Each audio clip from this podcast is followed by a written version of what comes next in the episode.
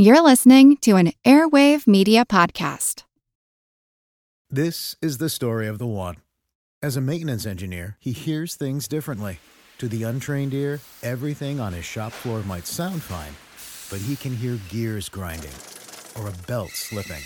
So he steps in to fix the problem at hand before it gets out of hand. And he knows Grainger's got the right product he needs to get the job done, which is music to his ears.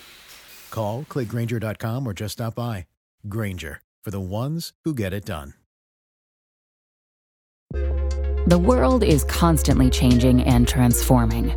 Cut through some of the noise with What's New with Wired, a podcast that goes in depth on the latest news and technology and culture. Their award winning journalism will help you make sense of what's happening in the world. Listen to What's New with Wired wherever you get your podcasts. That's What's New with Wired wherever you get your podcasts. This is Kick Ass News. I'm Ben Mathis.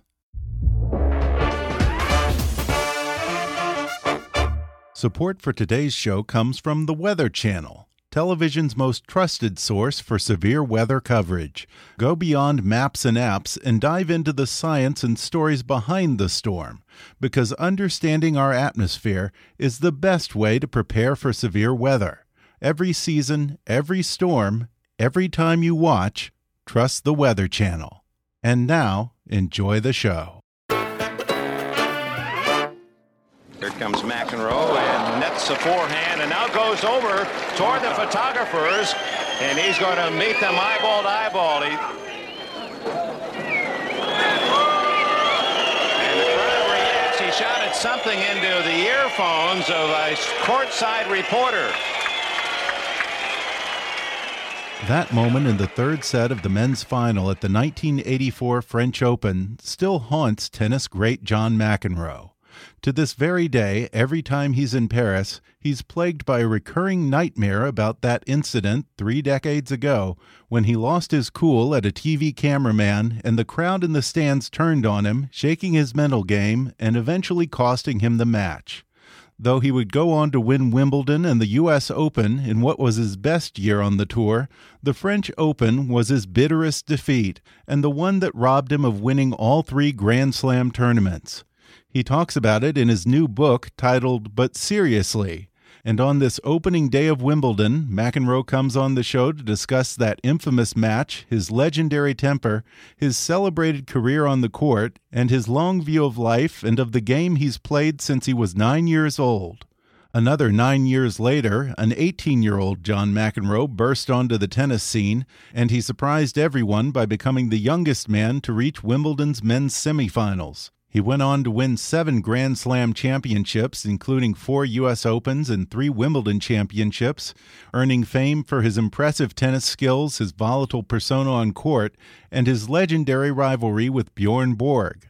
McEnroe contributed to five Davis Cup titles for the U.S. and later served as team captain. He became the top ranked singles player in the world in 1980 and continued to finish at number one for four straight years in a row from 1981 to 1984. In addition to his seven Grand Slam singles titles, he won nine Grand Slam men's doubles titles and one Grand Slam mixed doubles title. These days, John McEnroe continues to play tennis regularly on the ATP Champions Tour. He has a highly successful career as a sports commentator for both ESPN and the BBC at Wimbledon, as well as ESPN at the US Open and NBC and Eurosport at the French Open. He also founded the John McEnroe Tennis Academy on Randall's Island, where he continues to play an active role in getting underprivileged kids interested in the sport. Beyond his tennis career, he's appeared in films like Mr. Deeds and Anger Management alongside Adam Sandler, and television shows like Saturday Night Live, 30 Rock, and Curb Your Enthusiasm. He's a musician, an art collector with his own art gallery, and the author of the best selling memoir You Can't Be Serious and his new sequel to it titled But Seriously. Today, he'll talk about some of his famous arguments with tennis umpires and linesmen and how his temper actually helped his game in his younger years, but he says held him back later in his career.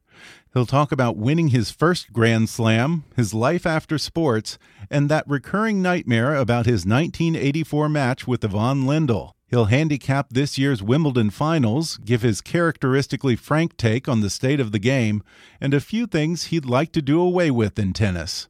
Plus, he'll even give me a few tips on how to improve my serve. Coming up with tennis great John McEnroe in just a moment.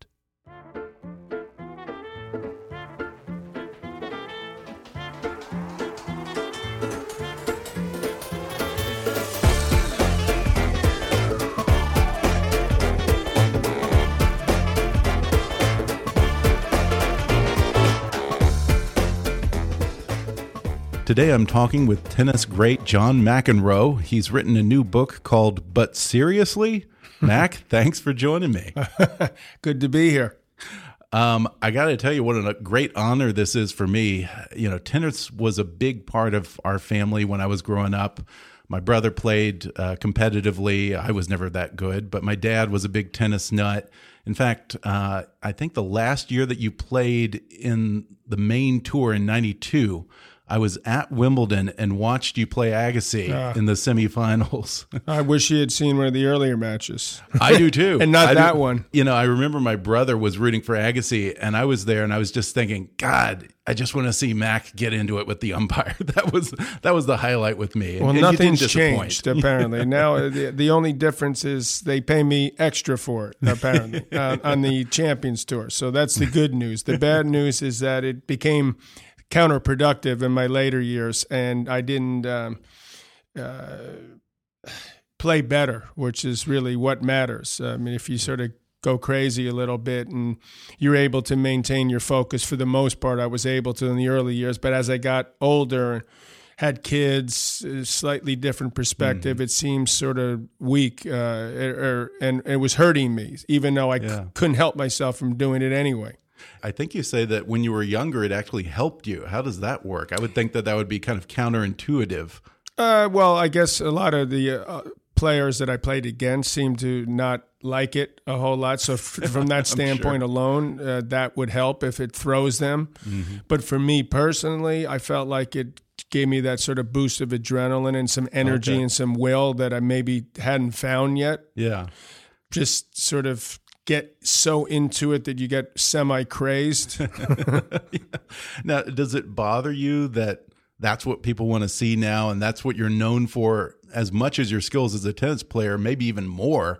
Well, probably uh, I wouldn't be speaking with you because the first book I put out was "You Cannot Be Serious," which obviously is my f- most famous phrase, and then this is "But Seriously," which obviously is a takeoff from that. Yeah. And so I have to, part of the reason I wrote this book was really to sort of give people the idea that hopefully I have a better perspective and able to sort of uh, learn from things that had happened in the past and look at the glass half full as opposed to half empty. Mm-hmm. I mean, that's sort of the big lesson for me. I'm not trying to necessarily impart lessons on individuals that choose to read this, but at the same time, I think it's important to make the effort. I mean, one of the things that I believe is that you have to train, go out and work out to keep yourself physically fit. It made me uh, feel better as a human being when I get a mm-hmm. good workout in. I, I haven't worked out yet today, so I feel a little bit like I'm not quite right. Uh, but I also think it's important that you work at trying to sort of look at things more positively. I mean, mm-hmm. you need that type of effort. You can't just assume that your mind's going to sort of, as you get older, suddenly say, you know something? God, I've been pretty damn lucky, which is true. But you, unfortunately, the human mind seems to sort of go to the things that you haven't done. Mm-hmm. That you didn't accomplish, that are bugging you now, the and that why didn't I do this better? Or, and and it and it it happens still to me every day. So, and I've been pretty lucky. So I can imagine that it's even worse for other people. You know, along those lines, you open the book by talking about this recurring nightmare that you've had every time that you're in Paris. What is that? Why is that nagging? Well, the, uh, the, the the one event that I think would have elevated me to even greater heights in terms of how people viewed me in, in the history books was the French Open, which Unlike other Right. sports, we do we play on different surfaces under different conditions, so that if you're able to win on all of them, there's just that much more of a satisfaction that you can look at yourself with even more pride. And I felt like I hadn't really addressed trying to be the best on that surface until the mid 80s and I felt like okay I, I sort of got that in order to show that I was the best the best of the best that I needed to win on that surface and I came within 5 points and for a variety of reasons even that match and before and after I'd never won that tournament and so fortunately I was able to sort of get a if you want to call it a second career and commentating and being involved in the sport to, still. So I go back every year because to me the most fun is covering the big major events. So every time I go back there, even though Paris is arguably the most beautiful city in the world, I can't help. I wish I could, but it seems to crop up. I mean, friends seem to annoyingly bring it up too often. Mm-hmm. Um, you see it on TV or hear about it or it's talked about. It's hard to sort of avoid it, and then it's just sort of having to accept it. And it's it really is a microcosm of in a way of life. You know, the things mm-hmm. that perhaps you should have done differently and didn't. But you got to learn how to at least deal with mm-hmm. them and accept it and move on. And so that's it, since it did, did happen and does happen there when I go there every year, usually at least once, I felt like it was sort of an interesting way to start the book because it's sort of what we're faced with all the time in life anyway. Yeah, and the dream is from the 1984 match that you had with the Ivan Lendl. Um, I wonder when you have the dream every year, does it ever have a different different ending, or does it ever vary? It varies, but it always, un- unfortunately, I always wake up at some point. Yeah. and then I realize I've lost, and it's the same damn nightmare. Do you think that there's some deeper meaning or lesson to that, or is it just that this traumatizing experience has been seared in your brain all these years? That's a good question. Um, I'm not really sure the answer. Um, there's nothing you can change, so uh, that part is uh, over. You can learn from sort of uh, uh, some life lessons, perhaps, and learn so that the next time something remotely similar happens, that maybe you handle it differently. And it doesn't mean I haven't made a ton of mistakes since then. I have. Um, and hopefully, I've sort of opened my mind to more easily try to learn from them. And that's the key. I wasn't very, I mean, part of what made me good was I was, you know, I, I believed in myself and I believed in what uh, win, lose, or draw, even if I was acting like an ass sometimes, that I thought that that was the way to go. and while I listened to people, I wasn't sort of taking it in a whole lot. And so um, sometimes you can get some great advice that you blow off and you sort of wish you hadn't. Other times you get too much advice. So this is all part of life, and um, and trying to figure out each individual decision you make. I mean, it's just I wish it was easier because I don't think ultimately this is sort of a crazy world we live in, and yet it's a beautiful world. And so it seems like to me, at my this point in my life, and having gone what I've gone through and experienced what I have, that I sort of owe it to people to sort of make the effort, really concerted effort to say, "Hey, I've been pretty lucky." hmm Now I have to ask: Did you ever win an argument with an umpire in your whole career? I don't believe I've ever won one. So doesn't it I'm like seem like oh an for 145. So doesn't it seem like an exercise in futility looking back, or how do you look at it?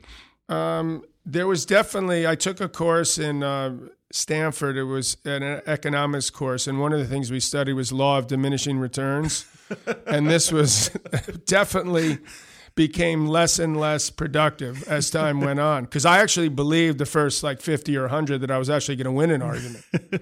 and then I suddenly thought to myself, run as fast as you can and run headfirst into a brick wall and see how that feels. And after a while, you realize, you know, something that doesn't feel so good. The irony was that I probably got, I don't know, 50 times I was fined different occasions, somewhere in that crazy amount of times. And in in my day, you could almost time it to where if you hit over a certain number, you would get automatic suspension. And I was you're playing virtually every week, so in a way, you had to make your own. You did make your own schedule, but sometimes if you really felt like burnt out, you'd really make your own schedule. If you know what I'm saying. Yeah. And so I had uh, said something to an umpire that had set me over the $7,500 threshold that was going to give me like a three week break, which I felt like I desperately needed. and the night before the final, I was in Aust- Sydney, Australia. My father, my uh, calls me and he says uh, he was managing me at the time, and he said, uh, "You won't believe this, but you we had appealed a fine back in." August in Cincinnati, and you won the appeal. Oh, really? the only one my I ever God. won. um, and I'm like, oh my God, good. why did I have to win it this time? so I had to make sure good. I went out in the next round and got you know fined again. Well, I know that you must get this question all the time, but how different do you think the game might have been for you if the challenge system had existed around the time when you were on the uh, tour? I would have been 20% better player and 40% more uh, more boring. Okay. know, and you less know interesting. to see, huh? Uh, well, no, it's it, it. I didn't know that Yeah. at the time. That was the irony. It was I was I couldn't believe that people took such an interest in it. Um, but you said you were looking back, uh, so I've had a little perspective, chance to think about this, and as you can imagine, sometimes people ask me that type of question. What what have you been like with the challenge system? Nastase always said, "We'll figure something out. Well, you know, we'll we'll go turn it some some other place." I was like, "Yeah, probably." so um, there's ways. I, I I've got the solution that would take it back to that, which would be the because now they have the challenge system. The players would uh, call their own lines Okay. and you'll get like the trash talking and the distrust and the hatred and then you know thinking you're getting cheated by the opponent but you have the challenge system Okay. and then it would bring the crowd much more involved as well Okay. because to me tennis needs a jolt yeah. even though we have these tremendous players the greatest of all time in Federer and Nadal for example and Djokovic is not that far behind it doesn't seem like it's certainly in the states not talked about uh, nearly as much or in the same uh, way that it was back.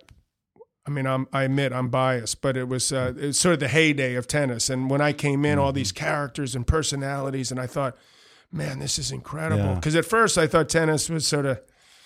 I didn't really want to be in that sort of sissy game when I grew up in the country club sport and they want us to act a certain way and you got to wear your long pants like Bill Tilden or whatever and you're like that's not what I want to do. My goal was to be treated the same way as other athletes. Um, I could imagine that if you're on the hockey rink or you're in the middle of uh, Soldier Field in Chicago, where some of my buddies that I went to college with, I got to know, played. They're not saying hello, are you? How are you? When they come out of the huddle and they're about ready to, and and yet in tennis, if oh my god, if we said a bad word or Yeah. yelled at the umpires, this is completely outrageous. I remember in the early '80s, uh, there was, a, I believe it was a Mi- Miami Herald, and there were they did a survey of like who the most hated villains were in the history of the world, and it was like Hitler one, uh, uh, Attila the Hun two. Uh, John McEnroe three, son of Sam. You know, it was like, what the hell is? uh, I think perspective's getting a little warped Yeah. here. You know, Mus- Yeah. Mussolini five. You know, I'm like, I'm three, and these these. oh my God! So uh, that was sort of got me thinking, man, they they really don't get it. Are you jealous of what players can get away with now? I don't think they get away with that much. You don't? Actually, no, no, no. I think we Even got away. We got away with way you? more. Oh, really? You think so? Oh yeah, I think. I mean, I I'd like to throw them under the bus, but uh, the truth is, is I mean, you you hear a lot of curse words when Murray plays, for example, and they used to go back and listen to the tapes. I'm like, wait a second. I mean, this guy's supposed. The British are all into sort of.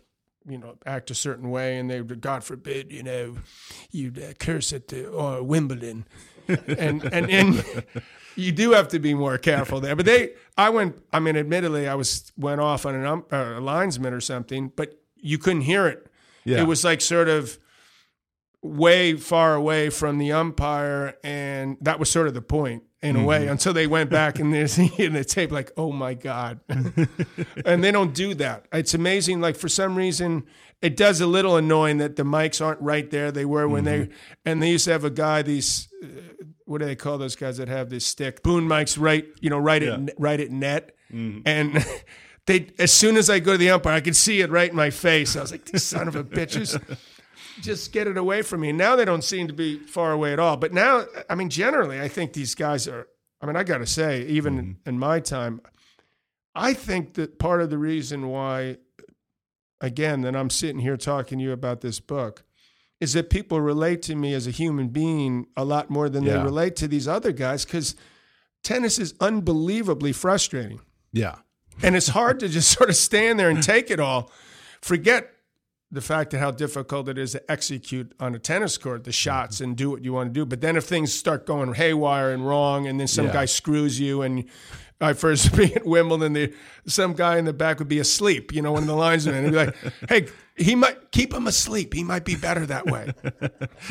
Yeah, and I think when you talk about the dream, your infamous nightmare, um, that you were being thrown off in that match by uh, what was it like the the cameraman had someone speaking into his earpiece and the volume was up so loud that you could hear it while you were playing on the court, right?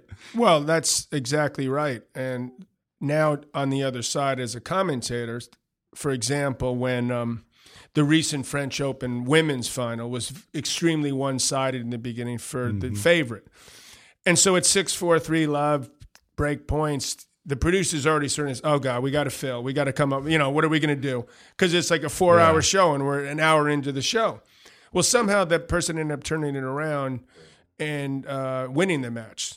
And this is sort of what was happening in that particular match with Lendl. They it was probably the producer talking to the cameraman. Look, when the match ends and when McEnroe wins, which to me is sort of that jinxy type of thing. I Yeah. shouldn't have. Obviously, I reacted pitifully and gave the crowd reason to start rooting against me, and also it probably gave my opponent. Um, the infamous Ivan Lendl, um, a reason to think, hey, maybe he's not quite as sure of himself as he appears to be when he was won the first Yeah. set, which I should have been, having won the first set 6 3 and the second 6 2 or something like that. And that I should have just cruised to victory. Instead, I sort of so, showed a chink in the armor. So that's something that's it's difficult to live with. You know, I did wear my emotions on my sleeve generally, and for the most part, I was able to handle that. But this particular case was uh, a brutal mistake. We're going to take a quick break, and then I'll be back to talk more with tennis great John McEnroe when we come back in just a minute.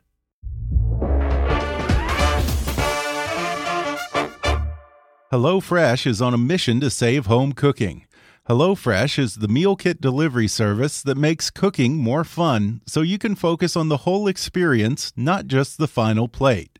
Each week, HelloFresh creates new delicious recipes with step by step instructions designed to take around 30 minutes for everyone from novices to seasoned home cooks short on time. They source the freshest ingredients measured to the exact quantities needed so there's no food waste, and they even employ two full time registered dietitians on staff who review each recipe to ensure it's nutritionally balanced. I've started making meals from HelloFresh, and let me tell you, the ingredients always arrive fresh in an insulated, recyclable box. Everything comes perfectly portioned out, and the recipes are quick and easy to follow, so even an amateur like me can put together a great home cooked meal in no time. And most importantly, HelloFresh's meals taste great. So great, in fact, that when Mother's Day rolled around this year, I ordered HelloFresh for my mom, and now she's hooked as well. HelloFresh is now offering light summer meals and has just introduced breakfast options.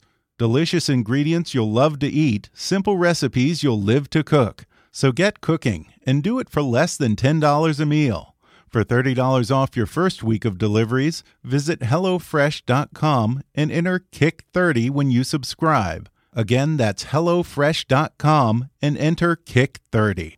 And now, back to the podcast. Well, you call him the infamous Ivan Lendl. What is it that even to this day seems to rub you the wrong way about that guy? Pretty much everything. okay. no, but, but but I have to say I do respect what he Yeah. what he brought in terms of work ethic and mm-hmm. his dedication and his ability to learn from mistakes. Uh, because we battled in the juniors. We mm-hmm. we knew each. You know, I played him in the French Open juniors, so it's not as if we didn't know each other. And um, I, his circum he's like Ivan Drago, you know, in Rocky Four. you know, he's like a machine. He became one, which you got to give him credit for. Yeah. And he came from a totally different circumstance in his life. Um, his mother was a Czech player. Czechs uh, players have a, a history of success in sports, uh, not just tennis, but other sports, because it was a way out. And so I'm sure there was a hunger, obviously, uh, that I didn't have. I had to find it in, in a different way. I grew up in Douglaston Queens in a you know upper middle class environment and joined a country club. Everything that seemed lame about sort of our sport, but it turned out to be a great sport. And I ran into a lot of great people. And I obviously, if you believe, which I do in a way, that sort of Malcolm Gladwell's outliers, where it's meant to be for whatever reason, hours. someone wanted me to play tennis. Yeah. I can't figure out why that was, but at eight and a half, when my parents moved to a different location in Douglaston, it was a block away from the tennis court. You mm-hmm. know, I'd still go down to the field where we play baseball and football and basketball. But after that was done, I would go to the court and hit against the wall or something. And then mm-hmm. some guy was there and said, Hey, this guy, hey, you should send him to this other place. And then that's how that happened. And then I met guys that I didn't know who the hell they were, but they turned out to be, in a way, legendary and influential people to me, you know, and sort of in our sport had had a lot of success. And it was just one thing led to another, you know, until I get to the Wimbledon the first time in the juniors. I'm sent there, and 40 years ago now. Next thing I know, I'm in the semis of Wimbledon. I mean, I'm making a long story short, but I walked into the, I remember the hotel, and they had the odds because they're big on gambling there, and it was uh, Borg was like two to one, Connors four to five to one, Gerulaitis twenty five to one, McEnroe two fifty to one. I said, God, they think I have that good a chance, um, and just to have my name with those three guys was Yeah. was literally like a dream come true. I couldn't even have thought it could happen that fast, and then to want to be sort of get that respect was huge, and and to eventually get it. Yeah, you say that winning your first Grand Slam tournament is always a big game changer, both in terms of the player's own head and in how people treat you. What was that like for you? Well, mine was a little weird because um, I played Vitas Gerulaitis, Gerulaitis, my late Right. great friend, and I looked up to him in, in the juniors. You know, I met him when he was 16 and I was 12. They don't, ha- you know, 16 year old guys who got a lot of charisma and girls sort of falling on them. Or by 18, I was 14. They're not hanging around with 14 year olds. so um, I aspired to be like him in a way. I mean, the guy mm-hmm. they rolled out the red carpet when he went to Studio 54, for example. You're like, this is amazing. I couldn't get in. I'd like begged to get. I'm like, I'm John McEnroe. I'm number six in the world in tennis, and they'd be like, what? What does that mean? So it gave me this sort of hunger, but also respect for what he did. So in a way, it was it wasn't quite what it was, uh, it was what it could have been had I beaten, say, Connors or Borg, because it was against Vitas, who uh, we had a like a in a way he had taken me under his wing a little. Um, I tell the story that uh, even when I beat him that day for the first Grand Slam, which obviously is amazing. I'm not saying it's not an amazing feeling, but it can be more amazing, sort of depending on other circumstances. He said to me, What are you doing later?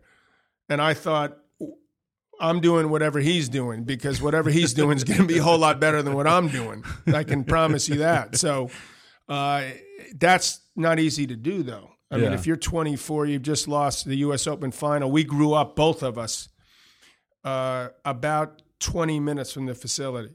So it never happened before, and it's. I don't think it's. I hope it happens because I'm at this John McEnroe Tennis Academy in Right. Randall's Island. So I like to sit here and come back on your show in 10 years and say, hey, I got two guys that are in the finals of the U.S. Open. But the odds of it happening are slim and none. And yet, when that happened, they were sort of booing us, and Yeah. because they wanted Borg Connors. Right, right. It was like if Golden State and uh, Cleveland had not played, and they the, the two other teams had played, like uh, whoever they beat, uh, Boston. I mean, Boston has a name, but let's just, you, you know what I'm saying. Or like Boston, San Antonio. Uh, I don't know about that. That's not the final we won. they were sort of pissed that they had to put up. And I'm thinking, we're two kids from Queens, for God's Yeah. sakes. Why don't we have more Americans at the top of the game these days? I thought we only had 30 minutes for this uh, show. okay. Uh, they, but uh, I'll, I'll, I'll try to say it in 15 to 30 seconds, which is money. Yeah. Uh, the cost of it is, is e- even higher. The 1%, I mean, if you're lucky, it's 1%. Um, the athleticism that it requires because of the speed of the game, uh, the technology is so much faster that you need to be more athletic. Whereas before, tennis players could beat athletes. I mean, you want to be both. Borg was the fastest guy I ever saw on a tennis court. And there were some great athletes. Vitas was a great athlete, others. But it's even more athletic now, and they're rangier, bigger guys. Yeah. So now athletes beat tennis players because it's so quick that the tennis players can't even do their thing. There's no, there's not as much strategy. Guys are out there swinging for the fences, and so that because of that, and because of the fact that the cost and the cool factor. I mean, you, let's face it, You've got to have some of that for mm-hmm. kids to want to play, especially kids in inner cities that.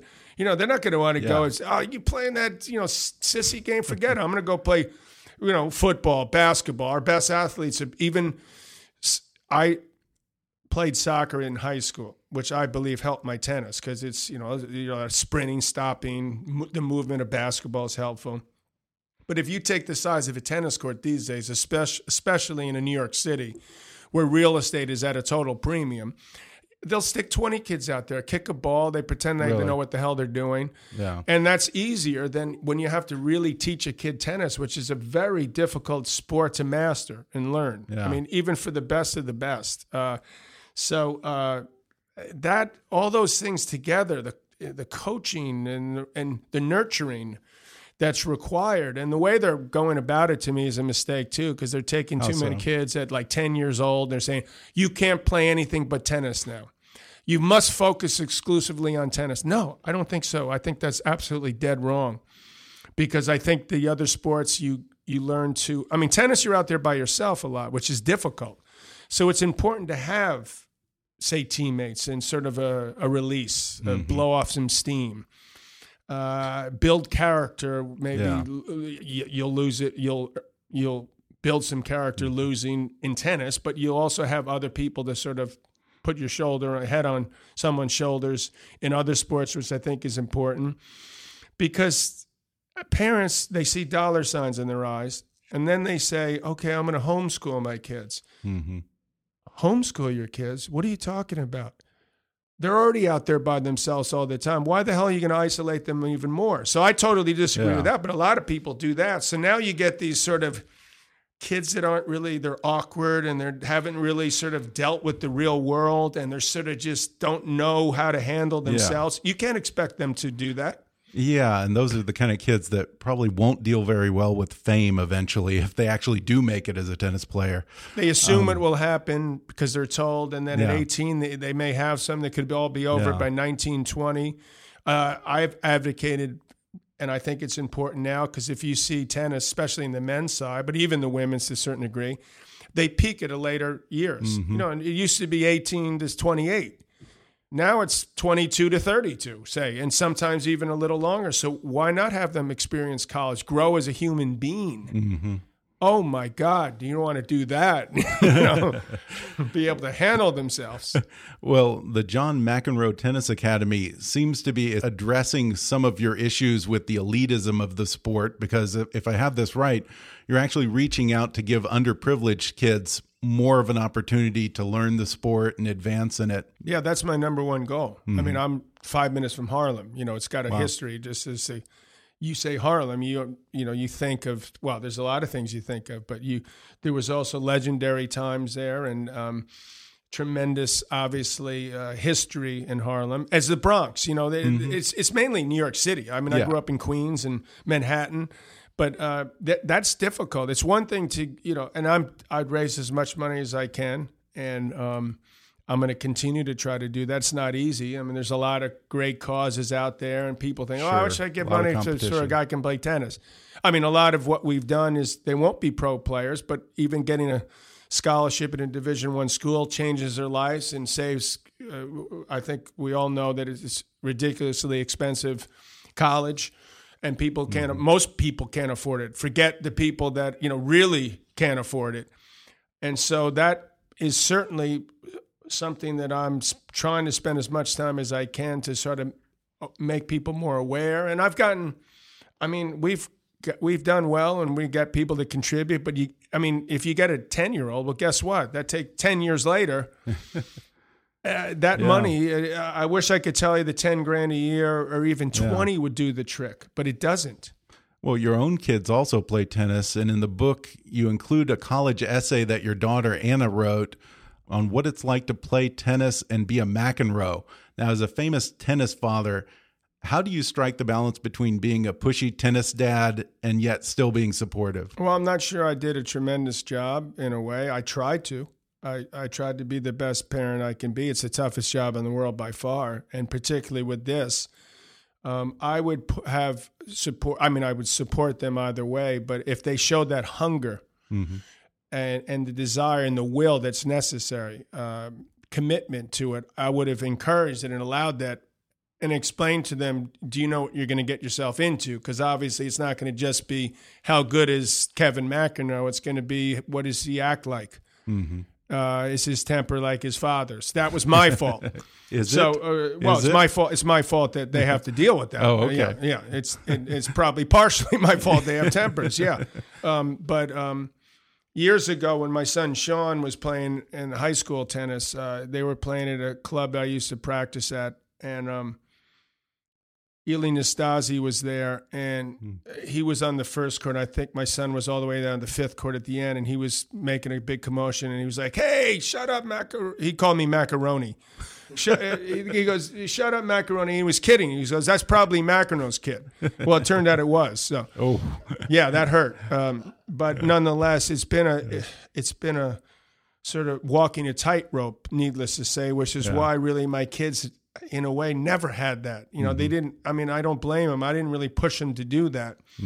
And I think that would have been extremely difficult because you don't see a lot of that in tennis. I mean, name a lot of successful pros that have had sons or daughters for them. Yeah. And it's a very small list that Yeah. have been able to succeed. So it's even more difficult when there's going to be all this attention paid upon them. So four of the six played high school tennis. Um, one played college. Kevin played for a year, and he said he didn't like his teammates. You know, forget it.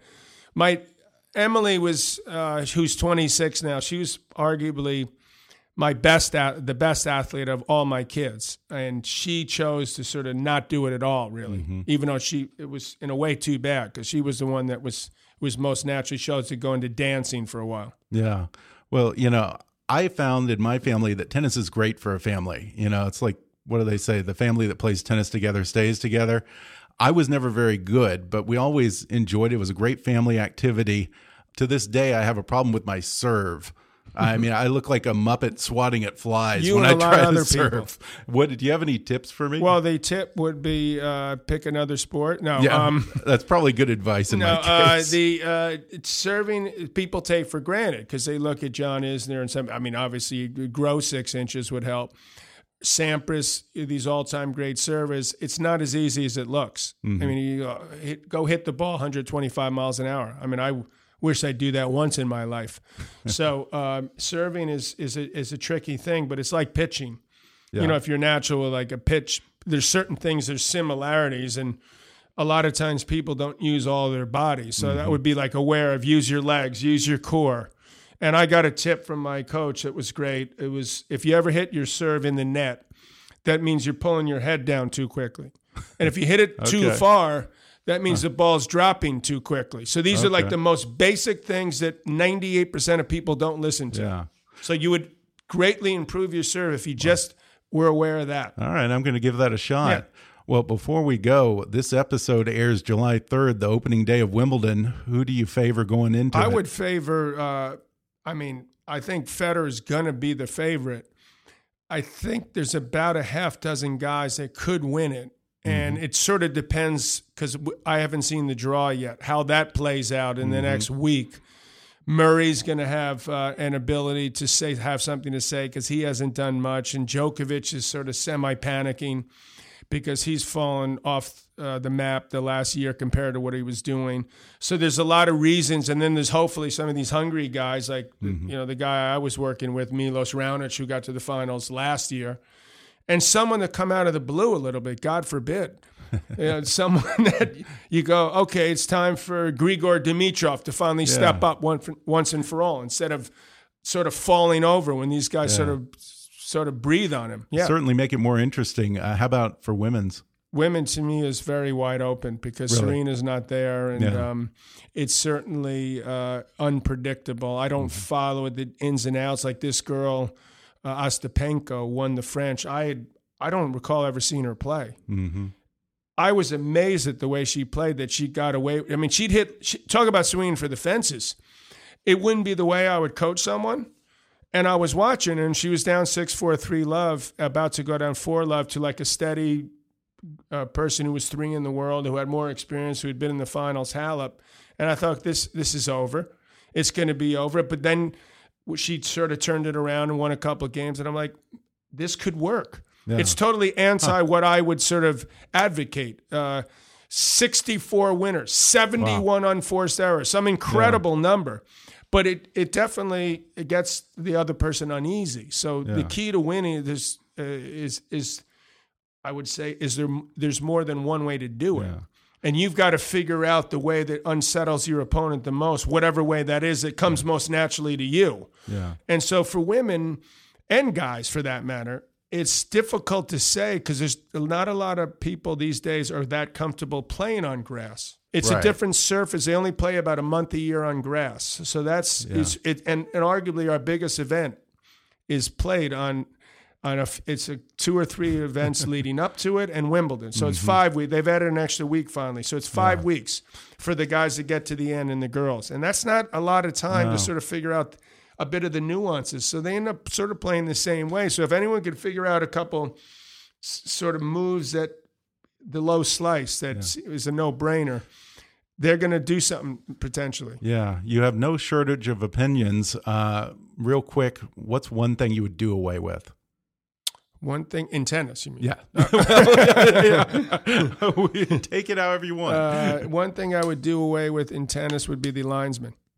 I think okay. that if you had to pick, that's not surprising. It's, I suppose it's the least likely thing that will happen. Mm-hmm. The other thing, I mean, I could name five things, but you know, I think that they play for so long that I don't see why there's not a tiebreaker in the fifth set mm-hmm. or the third set of a women's or fifth set of a man's because they people's attention span is so much less.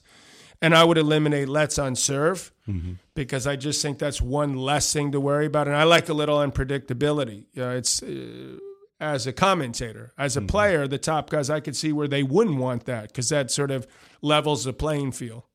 Well, again, the book is called But Seriously. John McEnroe, thanks for talking with me. Thanks for putting up with me. Anytime. thanks again to John McEnroe for coming on the podcast. Order his book, But Seriously, on Amazon or download the audio version for free with a special promotion just for our listeners at audibletrial.com slash kickassnews. Look for John McEnroe broadcasting live from Wimbledon on ESPN or the BBC and learn more about the John McEnroe Tennis Academy at sportimeny.com. Be sure to subscribe to Kickass News on iTunes and leave us a review while you're there. Don't forget to take our listener survey. It only takes five minutes at podsurvey.com slash kick. You can visit Kickass News on Facebook and follow us on Twitter at, at KickassNewsPod. And be sure to recommend Kickass News to your friends on your social media. And if you really want to help out, then donate to our GoFundMe campaign at gofundme.com slash kickassnews or click on the donate button at kickassnews.com. As always, I welcome your comments, questions, and suggestions at comments at kickassnews.com. For now, though, I'm Ben Mathis, and thanks for listening to Kickass News.